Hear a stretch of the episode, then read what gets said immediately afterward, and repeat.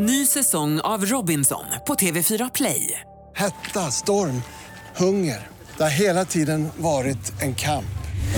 Nu är det blod och tårar. Fan händer just nu. Det. är Detta är inte okej. Robinson 2024, nu fucking kör vi! Streama söndag på TV4 Play. Det här är podden för dig som inte är gammal nog att minnas tiden då man pratade om kosackvalet. Har luddiga minnen av det där med löntagarfonder och tror att ATP egentligen är en gammal förkortning för eh, eller förvirvning av ATG. Ja, i så fall så är det här en podd som ska lyssna på. Jag heter Daniel Hermansson och sitter här tillsammans med Robin Olofsson och inför valet 2018 så sätter vi sökljuset på de här svenska partierna som vi har och eh, deras historia framförallt. Vad härligt att vi fick in kosackvalet i den första meningen i den här podcasten. Idag pratar vi ta med tusan Moderaterna. Det gör vi ta mig tusan. Ja, Och eh, vi får väl se om det därmed blir lite mer ordning och reda på torpet än vad det var i miljöpartiavsnittet förra, förra gången. Det borde ju bli det för att nu är det bam bam bam jajamän, nu är det styrkta kavajer, vita pärlor. Vi har lite olika punkter som vi ska försöka förklara för er. Till exempel när och varför grundades det här partiet? Vilka var de goda tiderna och de dåliga tiderna? Ehm, Och en övig punkt också. Och en, eh, eh, vad heter det, en jag höll ju på att gå igenom dagordningen. Jaha, förlåt. P- punkt 3, partiledarpunkten. Punkt 4, intervjupunkten. Bra, bra där. Yes. Ja. Eh, ja, okej. Med det sagt ska vi gå rakt på godsakerna och förklara när och varför grundades Moderaterna, som inte ens hette Moderaterna då. När och varför grundades högern? Som inte ens Som inte ens hette högern då. Allmänna valmansförbundet. Ja, eh, vi börjar med att konstatera att eh, vi har en tvåkammarriksdag. 1866 grundas den efter att man har slängt bort det här gamla eh, ståndsriksdagen Just det, präster, bönder, Ja. adel och borgare. och gycklare och grejer. Ja, eh, och eh, den här tvåkammarriksdagen innehöll från början, inte helt otippat, en hel del konservativa farbröder. Just det. Partier fanns inte riktigt än utan de utvecklas efterhand här. Då. Istället så är det löst sammanhållna grupperingar av olika riksdagsledamöter. Eh, Några riksorganisationer finns inte heller eh, som kan bedriva större valkampanjer egentligen. Socialdemokraterna bildas ju utanför riksdagen. Mm. Ska vi komma det. ihåg. Eh, Liberalerna lyckas däremot tota ihop en eh, valorganisation i form av eh, den de kallar för Frisinnade landsföreningen 1902 och det är en bunt nykterister, frireligiösa Mm. eh, medelklassmänniskor där. Mm. Men som svar på allt det här då så kommer då den 17 oktober 1904 klubbar man igen, eller hur det gick till vet jag inte riktigt, men eh, man bildar då Allmänna valmansförbundet i Stockholm. Ja, jag tror man satt på restaurang Runa. Mm, Och- det tror du för att du har kollat upp det. Ja. Ja, precis. Ja, det var inte så här. äh, Fri spaning bara. Nej. Kan ha suttit. Precis. Så att man, man satt på en restaurang och beslutade det här. Eh, Tommy Möller som har skrivit den här boken om svensk politisk historia, den här boken, som har skrivit en bok om svensk politisk historia, Mm. eh, citerar en tidig representant för högern. När de onda krafterna slöt sig samman måste även de goda krafterna göra det. Ja, eh, precis. Och eh, poängen med det här initiativet var ju att eh, Liberalerna och Socialdemokraterna redan hade bildat sådana här organisationer. Även LO hade ju bildats. Man behövde ju för tusan ha något svar på allt det här. Mm. Och första tanken är ju att upprätta någon form av politisk front mot socialister eh, och eh, andra. Och för att det skulle bli möjligt då så gällde det att ha en så vag plattform som möjligt. Man ska inte utlova en massa reformer här kors och tvärs. Nej. Och jag har läst eh, också, förutom den här Möller, så har jag läst i Torbjörn Nilssons bok Mellan arv och utopi. Mm.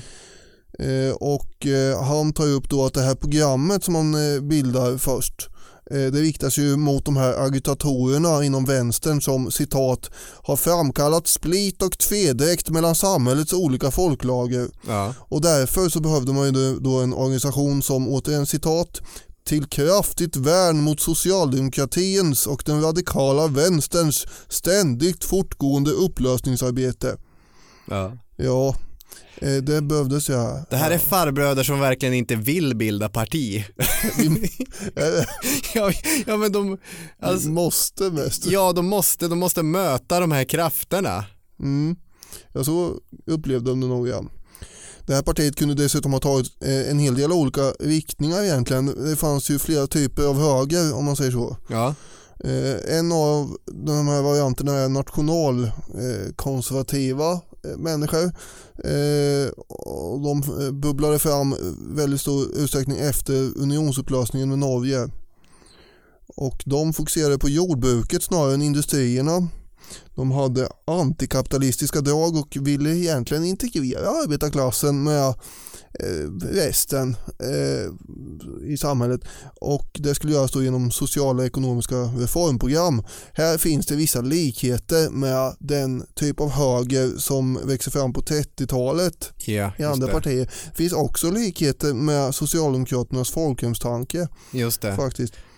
Bara så att alla är med på tåget, unionsupplösningen, då är vi 1905, Precis, vi, stämmer det? vi är tidigt här. Ja, och de högerkrafterna som vi pratar om på 20 och 30-tal som växer fram, det är Högerextremism helt enkelt. yes. Det var en väldig splittring egentligen inom hela högern eh, angående synen på det här med demokratisering. En del av de nationalkonservativa ville inte ha någon demokratisering och andra kunde mycket väl tänka sig det. Eh, och samma sak med den här överklass, den gamla traditionella överklasshögern. De var också lite splittrade i den här frågan. Eh, Den sida som kommer att ta taktpinnen och bilda det här partiet är ändå de som får kallas för moderatkonservativa. Moderat betyder måttfull Mm. eh, och de eh, är helt enkelt för liberal marknadsekonomi och är frihandelsvänliga och sådär. De ville lösa rösträttsfrågan som det var så mycket snack om eh, genom att citat betyga alla samhällsklassers behöriga inflytande inom riksdagen. Mm. Det betyder att man var rädd för att eh, man eh, kunde bli helt bortsopad ifrån eh, makten om man skulle införa allmän eh, rösträtt Mm. eftersom man hade majoritetsval, majoritetsvalsystem som man, hade, eller som man har i USA och, och sådär idag. Skulle vi ha det eh, i Sverige så skulle ju, då skulle det ju inte finnas mycket partier. Då Men, skulle ju Socialdemokraterna vinna över allt förmodligen. majoritetsval, bara förklara för Det betyder att den som eh, får majoriteten i en valkrets tar alla eh, de eh, så att säga mandaten i den valkretsen. Just det, det är det som den här kända ABBA-låten The Winner Takes It All handlar om. Ja, det handlar ju inte riktigt om det har jag fått lära mig men det, det så att säga, the winner takes it all kallas ju det här Ja. ibland. Yes. Just det. Så vad de eh, ville ha istället var ju en, eh, ett proportionellt valsystem och det är vad det kommer att handla om väldigt mycket i början här. Och då landar vi i eh, den eh, första eh, statsministern som kommer från det här partiet, Mm. Arvid Lindman. Just det. Han var ju en ganska moderat och pragmatisk högerman. Amiral var han också. Mm. Kallades han Amiralen? Ja, det har inte jättemycket med resten att göra men ändå. Eller det sätter ju lite grann punkten på vad Moderaternas kärnfrågor är också ofta. Segling, eller säga. Nej, hur som helst, det fanns en hel del högerpolitiker som jag nämnde innan som eh, kanske inte älskade den här eh, tanken med allmän rösträtt. Nej, Eh, absolut. Men Lindman var inte en sån utan han eh, insåg att vi måste nog, som du var inne på innan, eh, när de inte ville bilda parti, Mm. samma här, man var mer eller mindre tvungen att gå med på det här med allmän rösträtt. Och därför så kommer han vara en av de som eh, faktiskt driver igenom allmän rösträtt för män eh, 1907 och eh, sen måste det här då bekräftas i ett eh, riksdagsval 1909 också, riksdagsbeslut snarare, eftersom det är en grundlagsändring det handlar om. Mm, just det.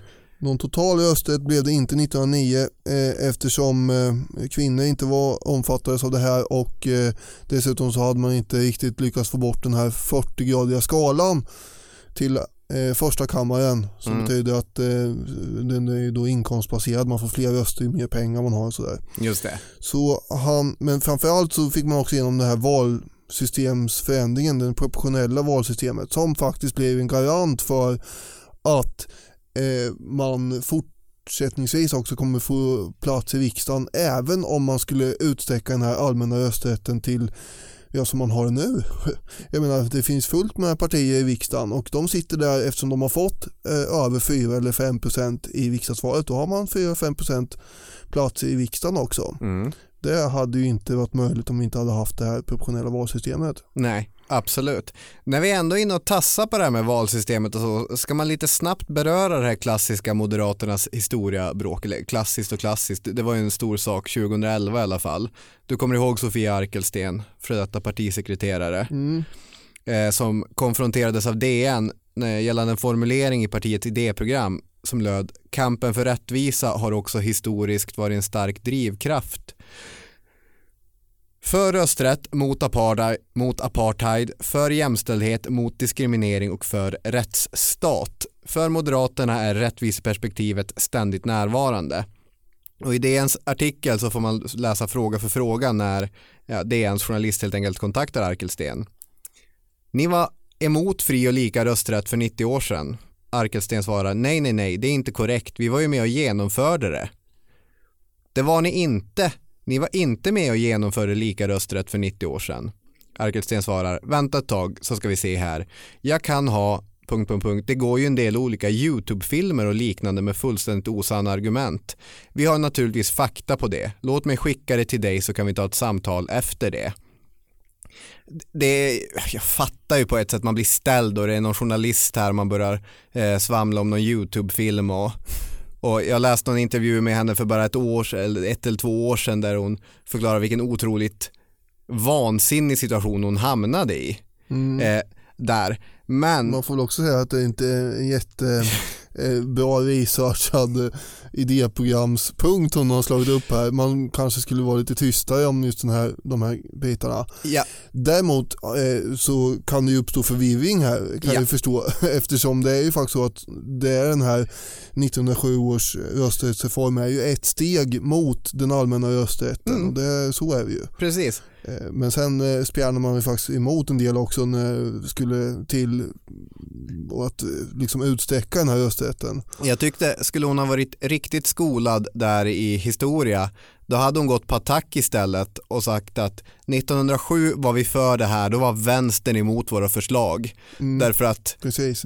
eh, de ville såklart gå mycket längre. Ja. Hade man varit lite skit, alltså no offense, hon är säkert bättre politiker än vad uttalar sig så än vad vi kommer Oh ja. men, men här borde hon ju ha gjort det ja, på klassiskt politiskt manér. Vänta här nu, det var ju vänstern som var emot våra förslag Ja, att genomföra det här. Precis. Sånt, jag vill ha mer bråk om politiska förslag från 1907. Eh, Man kan låta Hadenius, Stig Hadenius, måste väl säga det, Ja, han har skrivit eh, ganska mycket om svenskt politiskt 1900-tal. just det. Han presenteras ofta som Bond också, Bond, James Bond. Hadenius, Stig Hadenius. Ja, ja okej, just det. Ja. Han har skrivit så här, som politiker var Lindman odogmatisk och realistisk. En orsak till att övergången till en demokratisk styrelseform gick relativt smärtfritt i Sverige var utan tvivel att Lindman kunde manövrera den falang bland de konservativa som till varje pris ville motverka införandet av demokrati. Och han kommer ju att sitta i 30 år som eh, det här allmänna valmansförbundets ordförande sen. Han är faktiskt inte ordförande för partiet när han blir statsminister. Okej. Utan det blir han först efter att han har avgått som statsminister. Mm, precis. Om man bara kortfattat ska svara på den här äh, när och varför frågan på det sättet man skulle göra på eh, ett eh, poängprov i historia kan man säga att industrisamhällets nya villkor innebär att det, de här äh, olika ideologierna, socialism, liberalism och konservatism står i någon sorts konflikt mot varandra och det behövs ett organiserat parti som ska representera de konservativa intressena i samhället. Ja, så är det ju. Ny säsong av Robinson på TV4 Play. Hetta, storm, hunger. Det har hela tiden varit en kamp. Nu är det blod och tårar. Fan händer just nu. Det. är Detta är inte okej. Robinson 2024, nu fucking kör vi! Streama söndag på TV4 Play. Ett poddtips från Podplay. I podden Något Kaiko garanterar östgötarna Brutti och jag, Davva, dig en stor dos skratt. Där följer jag pladask för köttätandet igen. Man är lite som en jävla vampyr. Man har fått lite blodsmak och då måste man ha mer. Udda spaningar, fängslande anekdoter och en och annan arg rant. Jag måste ha mitt kaffe på morgonen för annars är jag ingen trevlig människa. Då är du ingen trevlig människa, punkt. Något Kaiko, hör du på Podplay. Därför är gardinerna.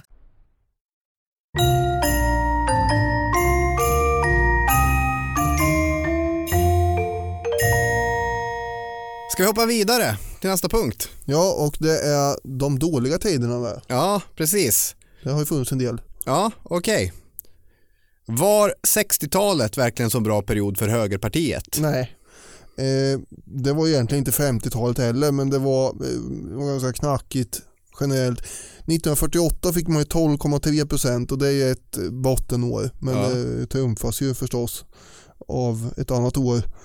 Eh, Inte jättestor skillnad i och för sig på 11,5 procent som man fick 1970 och 12,3 1948 men det är lågt det. Precis, alltså efter andra världskriget så blev ju Socialdemokraterna eh, mycket bekväma i, i Rosenbad. Ja det kan man ju säga. Eh, och den stora utbyggnaden av den offentliga sektorn genomfördes. Under stora delar av den här perioden så är det Folkpartiet under deras partiledare Bertil Olin som är Socialdemokraternas Tage Erlanders sparringpartner. Eh, och han kanske några gånger är nära att bryta det socialdemokratiska dominansen men det är alltid någonting, ofta som centerpartist som börjar förhandla med, med sossarna. Men för högern gick det inte speciellt bra. De var under en period minst av de borgerliga partierna som fanns representerade i riksdagen. Och dessutom var ju samhällsvindarna sådana att det var helt fel att vara höger. Folkpartiet, de var socialliberala, Centerpartiet var det här liksom landsbygdsmittenpartiet. Kvar fanns högern ute till höger. Bara begreppet höger dryper ju under det radikala 60-talet av någonting man inte vill vara. Vet du vem som är höger? Franco i Spanien är höger. Garoteringar är höger. Och 1959 då hade man ju bytt namn till Högerpartiet. Ja, För- dålig timing. dålig timing, kanske. Eh, Så 1969 eh, så bestämde man att nej, men nu, nu byter vi bort det här igen. Eh, och eh, så blev man Moderata samlingspartiet. Precis. 1965 till 1970 så hade man Yngve Holmberg som partiledare. Han som skulle vara Sveriges Kennedy. Tack vare att han hade det här vackra Ja, hårsvallet. jag tänkte säga att det, det lyckas han väl med rent frisyrmässigt. Kanske inte så mycket annat. Valrörelsen 1970 är, är ganska eh, intressant. Jag tänkte att vi bara kan lyssna på en av Holmbergs anklagelseakter mot Socialdemokraterna. Jag har undrat mycket, vad fick egentligen Torsten Nilsson den här formuleringen ifrån? Kapitalistisk imperialistisk politik. Ja, det greps säkerligen inte utan vidare i luften. Därför det är uttryck som eh, Stalin på sin tid använde.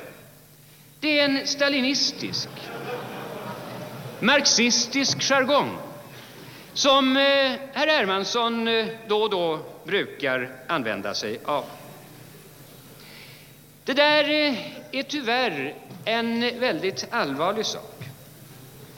Därför när utrikesminister Torsten Nilsson använder ett språkbruk, ett språkbruk hämtat från kommunismen, för att karakterisera den amerikanska politiken, då tror jag att det skadar vårt anseende och skapar en misstro till regeringens samlade förmåga att eh, slå vakt och upprätthålla vår neutralitet. Det är en stalinistisk marxistisk jargong. Ja, Så- det, det fick han ju till. Socialdemokraternas eh, utrikesminister hade använt sig av. Mm. Det gick som sagt inte så bra, han kommer sen bli ersatt av, av Gösta Bohman. Men det här tycker jag är not so good times. Nej, det är vi ju inte. Dessutom är det ganska dåliga tider rent ekonomiskt för partiet. Som eh, man hade ju fått finansiering av storföretag i näringslivet vilket förstås uppfattas som ett bekymmer under det här 60-talets vänstervindar. Ja. Men offentligt partistöd är inte mycket roligare eh, för då finns ju risken som eh, Yngve Holmberg också påpekar att partierna kan bli som ja, statliga institutioner. Mm. Och det vill man ju inte. Eh, så 1968 hade man en så akut kris rent ekonomiskt att underskottet var på 4 miljoner kronor. Och då behövde man sätta sig ner och eh, skåda i naven och göra både ideologiska och organisatoriska förändringar. Ja. Och en av de organisatoriska förändringarna kom ju efter nästa val 1970 bli att plocka bort Holmberg. Just det.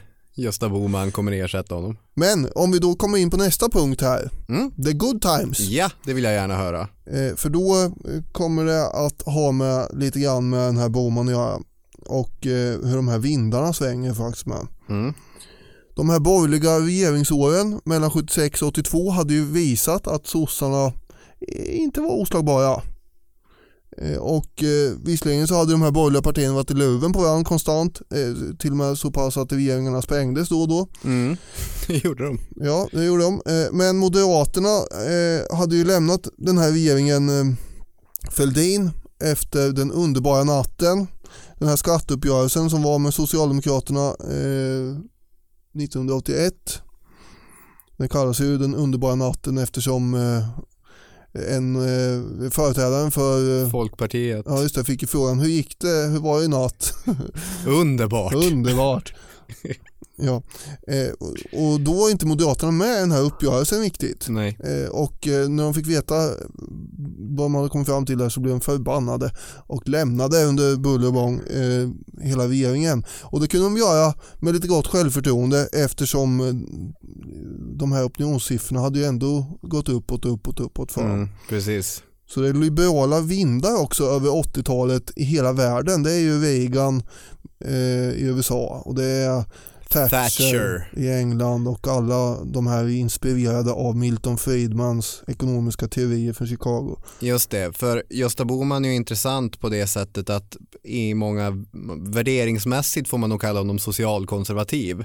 Men i den ekonomiska politiken så slår han in på det här liberala spåret mm. som låg helt rätt i tiden och, och sett till ökat väljarstöd så var han landets mest framgångsrika eh, politiker. Ja, eh, alltså de här nya teorierna som kommer från USA innebär ju att nu ska det bli avreglering och privatisering och det här passar ju eh, passar ju med Moderaternas nya eh, grej som de har slagit in på här under 70-talet. Partistämman 78 hade en eh, prägel av de unga den unga generationen moderater hade drivit igenom ett partiprogram som var mer och mer marknadsliberalt eh, ekonomiskt mm. och sådär. Och eh, vissa yngre moderater hade till och med propagerat för fri abort och sådana där grejer. Oj, oj, oj. Och det här var ju eh, saker och ting som eh, kanske inte alla konservativa krafter i partiet älskade men eh, och protesterar också högljutt mot det här. Men som Nilsson skriver om partiprogrammet 1979, alltså Torbjörn Nilsson som har skrivit den här mellan arv och utopi. Mm. Historiker på, på Södertörn, det finns ju en Torbjörn Nilsson som är politisk journalist på Expressen också mm. som ofta skriver om Moderaterna, ofta mm. skriver historiskt om Moderaterna. Förvirrande. Eh, förvirrande ja. Eh, bra klargörande från ditt håll där. Han skrev i alla fall så här, den här eh, Nilsson på Södertörn då. Även om en del konservativa inte var nöjda kan programmet betecknas som en pragmatisk blandning av liberala och konservativa idéer. Och 1979 får partiet över 20% och det har de hållit sig över sedan dess, eh, bortsett från 1988 och 2002 ja, som är två dippar. Mm. Och nu blir de då det största borgerliga partiet eh, och till och med större än de andra tillsammans. Mm. Vem är ny partiledare under den här perioden? Ulf Adelsson. Ulf Adelsson ja. Som jag såg utanför operan i förrgår. Vad spännande. Vad um, hade han sett då tror du? Jag vet inte riktigt men det är, det är fint att de här gubbarna en gång i tiden har varit de unga krafterna. ja, ja, det var ju inte igår det här. Men då var han en, en ung kraft att räkna med. Och de eh, börjar prata om systemskifte väldigt mycket. Ja. Eh, De är missnöjda med att de här mittenpartierna som har suttit i regering med tidigare liksom har varit alldeles för hänsynsfulla mot Socialdemokraterna. Mm. Så när Moderaterna eh, på 80-talet började prata om privata initiativ, konkurrens inom offentlig sektor, det är ganska nya tongångar där då. Just det, Faktiskt. riktiga brösttoner. Ja, det har ju inte ens högern själva riktigt eh, vågat uttala. Men nu med liksom stöd i ryggen från eh, Amerikat och England och sådär så törs man mer och mer prata om eh, viktiga privatiseringar, skattesänkningar, effektivisering och i offentlig sektor och sånt Mm. där. För då ska det bli bättre kvalitet förklarar man Mm. och eh, det ska bli mer valfrihet för medborgarna. Allt det här kanske, det är inte så att man inte har varit inne på de här områdena innan, det har man ju förstås. Men det har faktiskt blivit en, en, en liberalisering av partiet under 70-talet. Mm, absolut. Sossarna menar ju däremot att det här är ju precis eh, som man kunde förvänta sig att ni skulle vilja för det är att gå tillbaka till det gamla klassamhället och det ska vi inte ha, säger de. Eh, Men Socialdemokraternas ganska halvhjärtade och rätt vilsna får man säga försök att lansera de här löntagarfonderna eh, kritiseras ju också förstås massivt från högerhåll. Mm. Kan du förklara vad en löntagarfond är i ett andetag? Eh, andetaget har inte börjat än.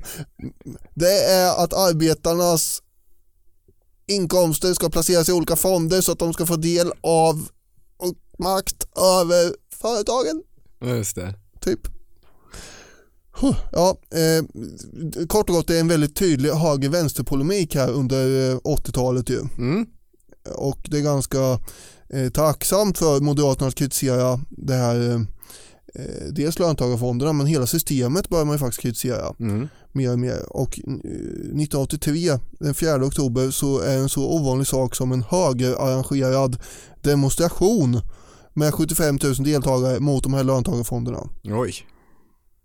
Men eh, trots att eh, liksom tiden talar för, tidens eh, vindar talar för Moderaterna så vinner de inte 1985 för att de kanske har blivit lite väl inspirerade av USA och man har genomfört de här valkampanjerna på ett synnerligen eh, eh, amerikaniserat sätt och nästan konventliknande eh, metoder med ballonger och skyltar och flaggor och grejer eh, så att det blir lite för mycket kanske för eh, den svenska väljarkåren. Det blev väldigt eh, Eh, det var en väldigt aggressiv eh, konfrontationslinje kan man säga att de bygger upp här. Och samtidigt som Moderaterna gör det, även fast de egentligen som sagt har strömningar på sin sida, så eh, har vi ju en ung, snygg, saklig och resonlig Bengt Westerberg för Folkpartiet som då skopar upp det här istället. och De framstår ju som mer sakliga eller vad man ska säga än vad Moderaterna och Mm. mer vänliga helt enkelt. Så Mm. det var ett väldigt bra val för Folkpartiet 1985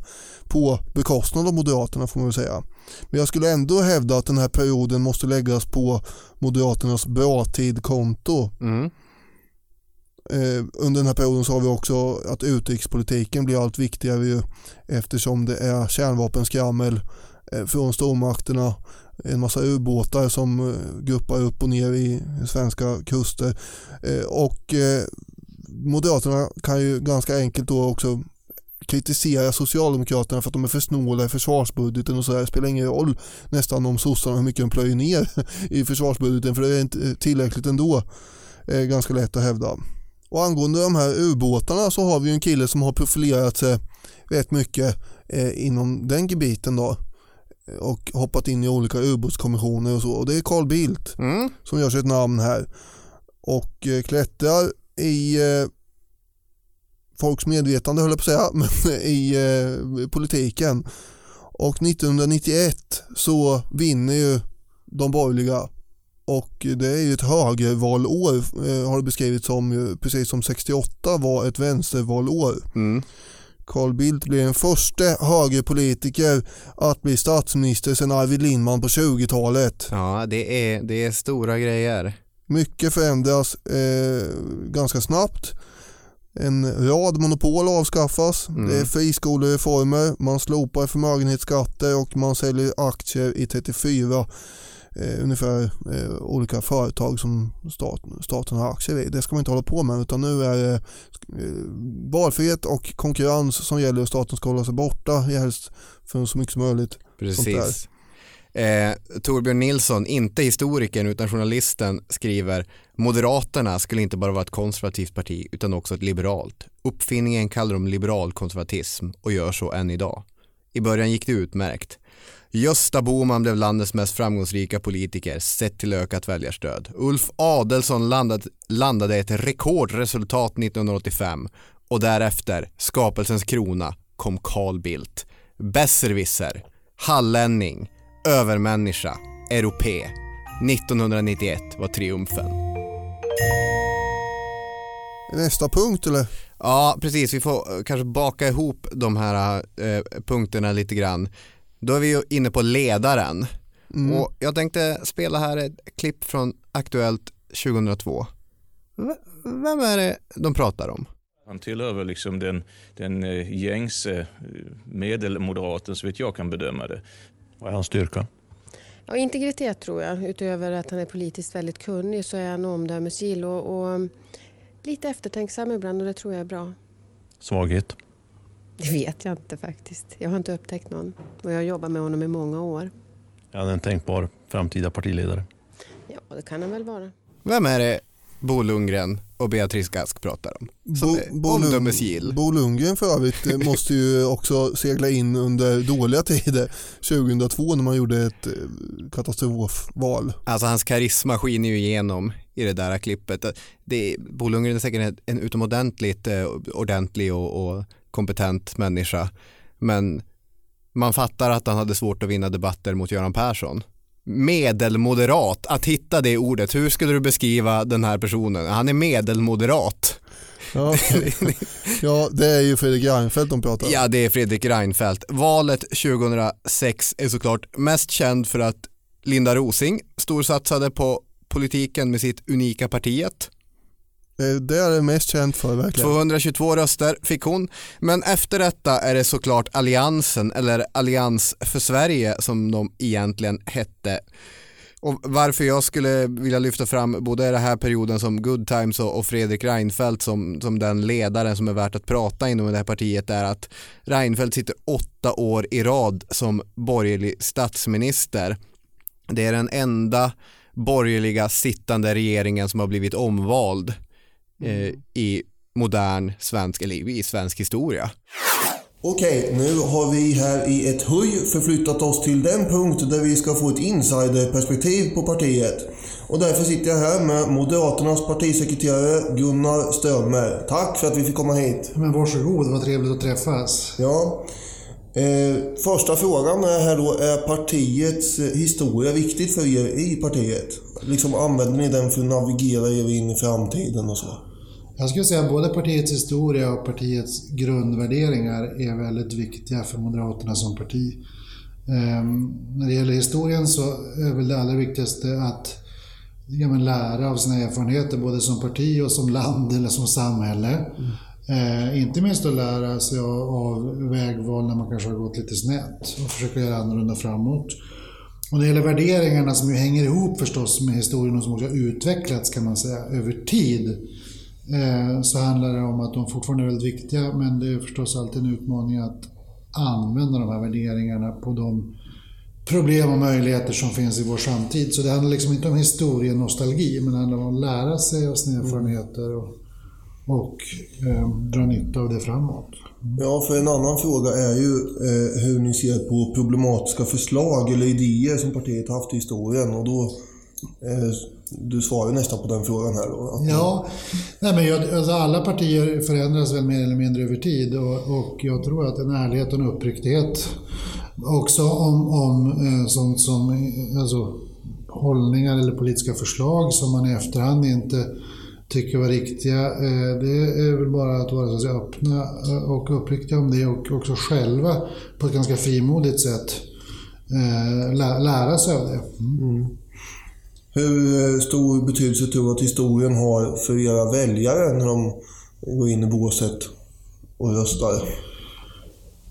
Ja, det, det, är en bra fråga. I grund och botten handlar val om framtiden. Eh, och jag tror att eh, det går inte att vinna val på en ärorik historia utan man måste i grund och botten ha liksom, genomtänkta, bra och trovärdiga svar på de liksom, samhällsfrågor som finns idag. Så att val handlar om framtiden. Det tror jag är en viktig insikt. Ehm, sen finns det naturligtvis väljare som eh, framförallt tror jag bärs av värderingar. Det hänger ju ofta ihop kanske med ett partis längre utveckling över tid. Man vill se en viss färdriktning framåt. Och ett sätt att få en uppfattning om den där färdriktningen framåt det är förstås att se också hur ett parti har rört sig så att säga historiskt. Så jag tror faktiskt att just kanske kombinationen av värderingar och historik spelar roll för människors val. Men eh, om det ska spela roll på ett relevant sätt så måste vi som parti också trovärdiggöra att göra de bästa svaren framåt. Vilken period i historien tror jag har varit den viktigaste för partiet? Jag tänker kanske olika förändringsfaser som ni har haft. Jag ska inte lägga ord i munnen på er, men... Gör det. ja, men Boman, Adelsson och sen Reinfeldt har ju, de har ju ändrat en del på Absolut. partiets inriktning. Men eftersom det här är en historiepodd så får jag ta chansen att gräva kanske ännu längre bakåt i ja. historien. Eh, nej, men, vi behöver inte gå jättelångt bakåt i tiden, men jag skulle säga att 50-talet är väldigt viktigt för Moderaterna som parti. För då kan man säga att det är liksom den första riktigt stora moderniseringen när Moderaterna går från att vara ett ganska traditionellt eh, högerparti, eh, kanske i hög grad för liksom vissa grupper i samhället, till att bli ett mycket bredare och folkligare parti. Eh, det fanns en, en högerledare som hette Jarl Hjalmarsson mm Eh, eh, också en mycket charmfull person, känd för sin fluga. Han kunde också trolla. Ja. Eh, eh, men han gjorde Moderaterna, tror jag, eller Högerpartiet som det heter då, till ett, liksom ett brett och mer modernt parti. Sen kommer nästa stora, kan man nog säga, ideologiska häv just runt Gösta Bohman under, under 70-talet och början av 80-talet. Eh, eh, då Moderaterna blir liksom det breda det breda borgerliga partiet. Eh, Eh, i svensk politik. Eh, och också med en tydlig, kan man säga, ideologisk eh, liksom inriktning. Man kan säga att då går Moderaterna från att vara ett mer konservativt parti till att kanske bli ett med mer betoning på det liberala i det här liberalkonservativa arvet. Och sen tror jag du har rätt i Reinfeldt, nu är den moderna historien. Eh, eh, när Moderaterna liksom med en, en tydlig, tydligt fokus på arbetslinje också eh, mobiliserar breda väljargrupper kring idén om att det ska verkligen löna sig att arbeta. Eh, man ska hitta förmågan att bidra eh, i samhället. Om den så bara är liten så ska vi hitta den och göra någonting med den. Det är också en, en, en, en ja, en viktig fas i partiets historia. Mm. Hur ser ni, eller du, på när eller om andra partier använder historiska argument mot er som slagträ? Och tänker jag, hur kan det inte vara frestande att själv använda det ibland som slagträ mot andra?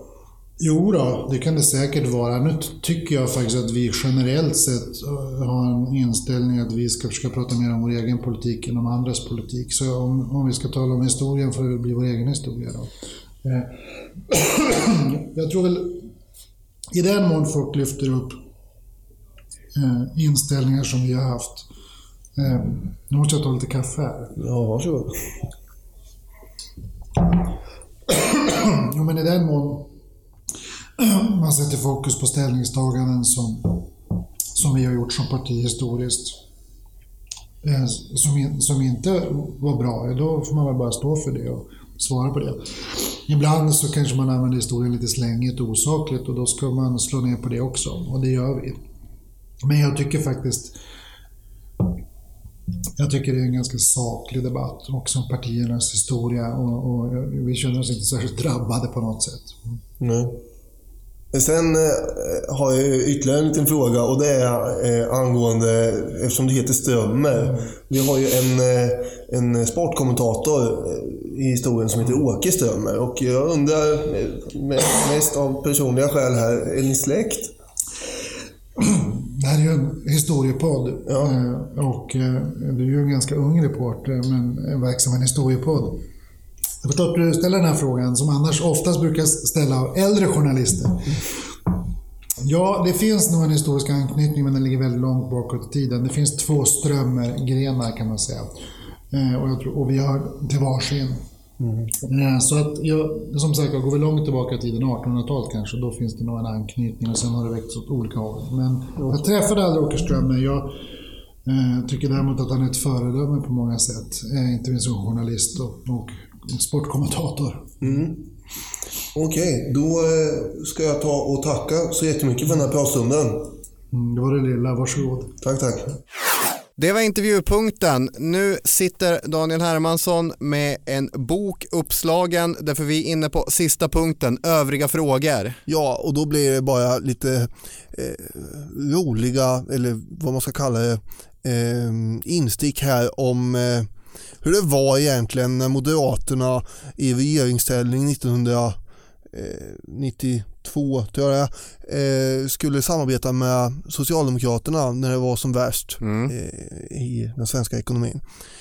Då är boken eh, Världens bästa regering av Christer Isaksson som ska tilläggas också har eh, mig vetligen eh, jobbat för Ingvar Carlsson vid något tillfälle. Mm. Men ändå. Han beskriver här då hur Ingvar Carlsson eh, kommer upp till eh, Rosenbad och ska in i sitt gamla rum där han har suttit och bossat förr i tiden innan. Men nu ska han inte göra det längre, eller det gör han inte. Så ska han försöka förhandla, krisförhandla fram någon slags eh, paket. Och grejen är också att Bildt har ju eh, surnat till på att han tycker att det tar så lång tid för Socialdemokraterna i den här förhandlingen. Så han har sagt till Aktuellt några timmar innan att eh, Socialdemokraterna förhalar saker och ting och, och, och klagat på det. Och då skriver Isaksson så här, eh, först om Karlsson här då. Han stod stel och rak i ryggen utanför statsminister Bildts rum. I dessa korridorer hade han jobbat i tio år. Först som biträdande statsminister. Då hade bäste vännen Olof Palme suttit i det som nu var Bildts rum. Mellan februari 1986 och september 1991 hade han själv huserat i det Bildtska rummet. Det var ingen lätt stund för honom. Minnen från såväl hans egen som Palmes tid måste ha kommit över honom. I regeringsrummet hade han varit herre på många hundra möten. Nu fick han finna sig i att spela andra fiol. Bengt Westerberg, Alf Svensson och Olof Johansson kom ut ur Bildts rum efter ett kort sammanträde. De skakade hand med Ingvar Carlsson. Fint att ni vill hjälpa till. Nu ska vi fixa till det här, sa de och tänkte att detta är Sverige när vårt land är som bäst. Vi har en akut kris som vi kan och vill lösa trots skilda politiska uppfattningar. De fyra partiledarna med medarbetare gick in i regeringsrummet och Ingvar Carlsson satte sig så långt som möjligt från sin gamla statsministerplats.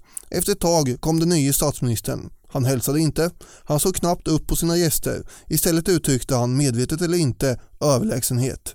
Mer fel än så kunde hans kroppsspråk inte vara i denna stund om hans avsikt var att förhandla med Ingvar Carlsson.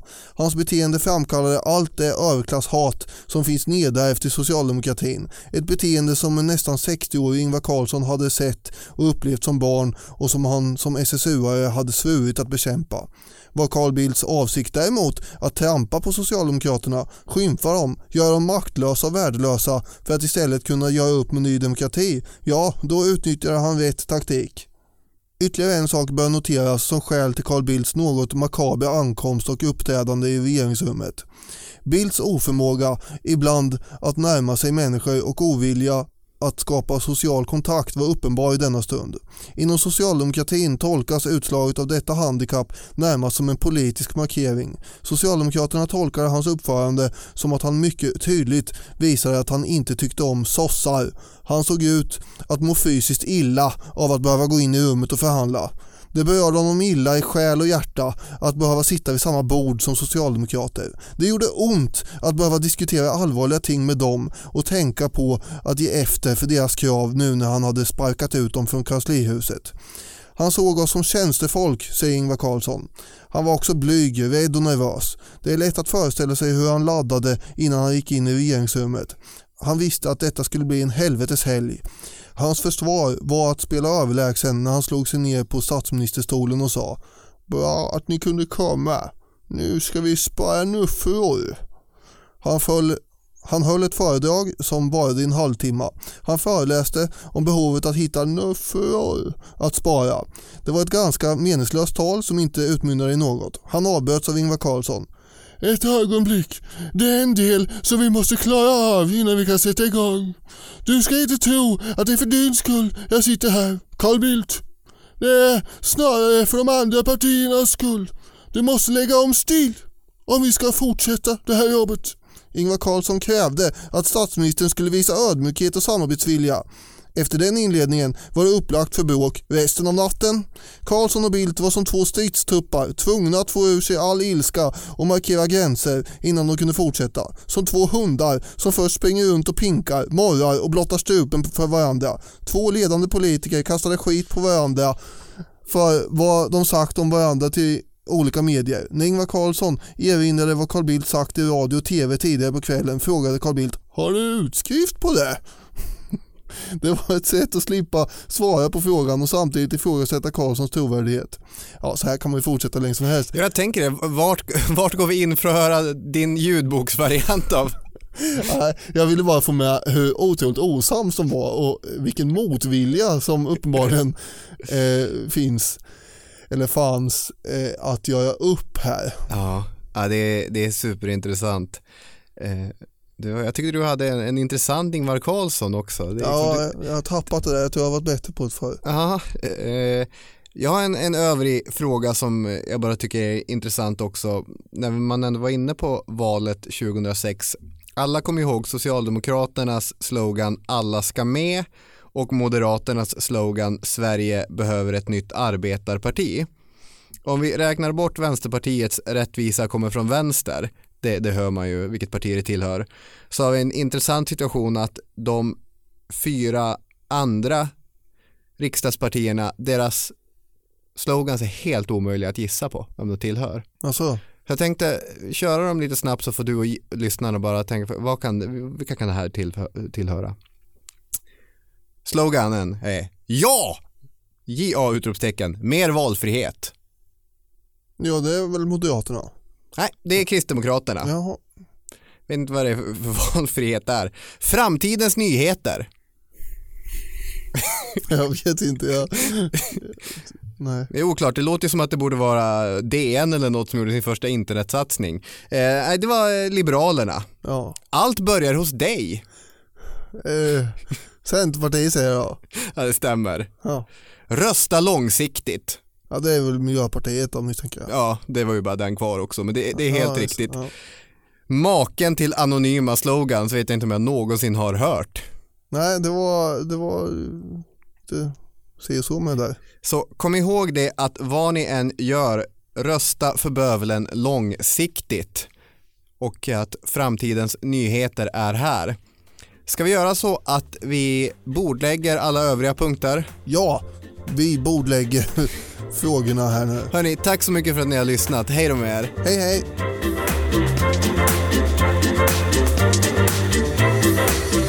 Du har lyssnat på Partiernas historia och Moderaterna med Robin Olofsson och Daniel Hermansson. Producent Jennifer Devard.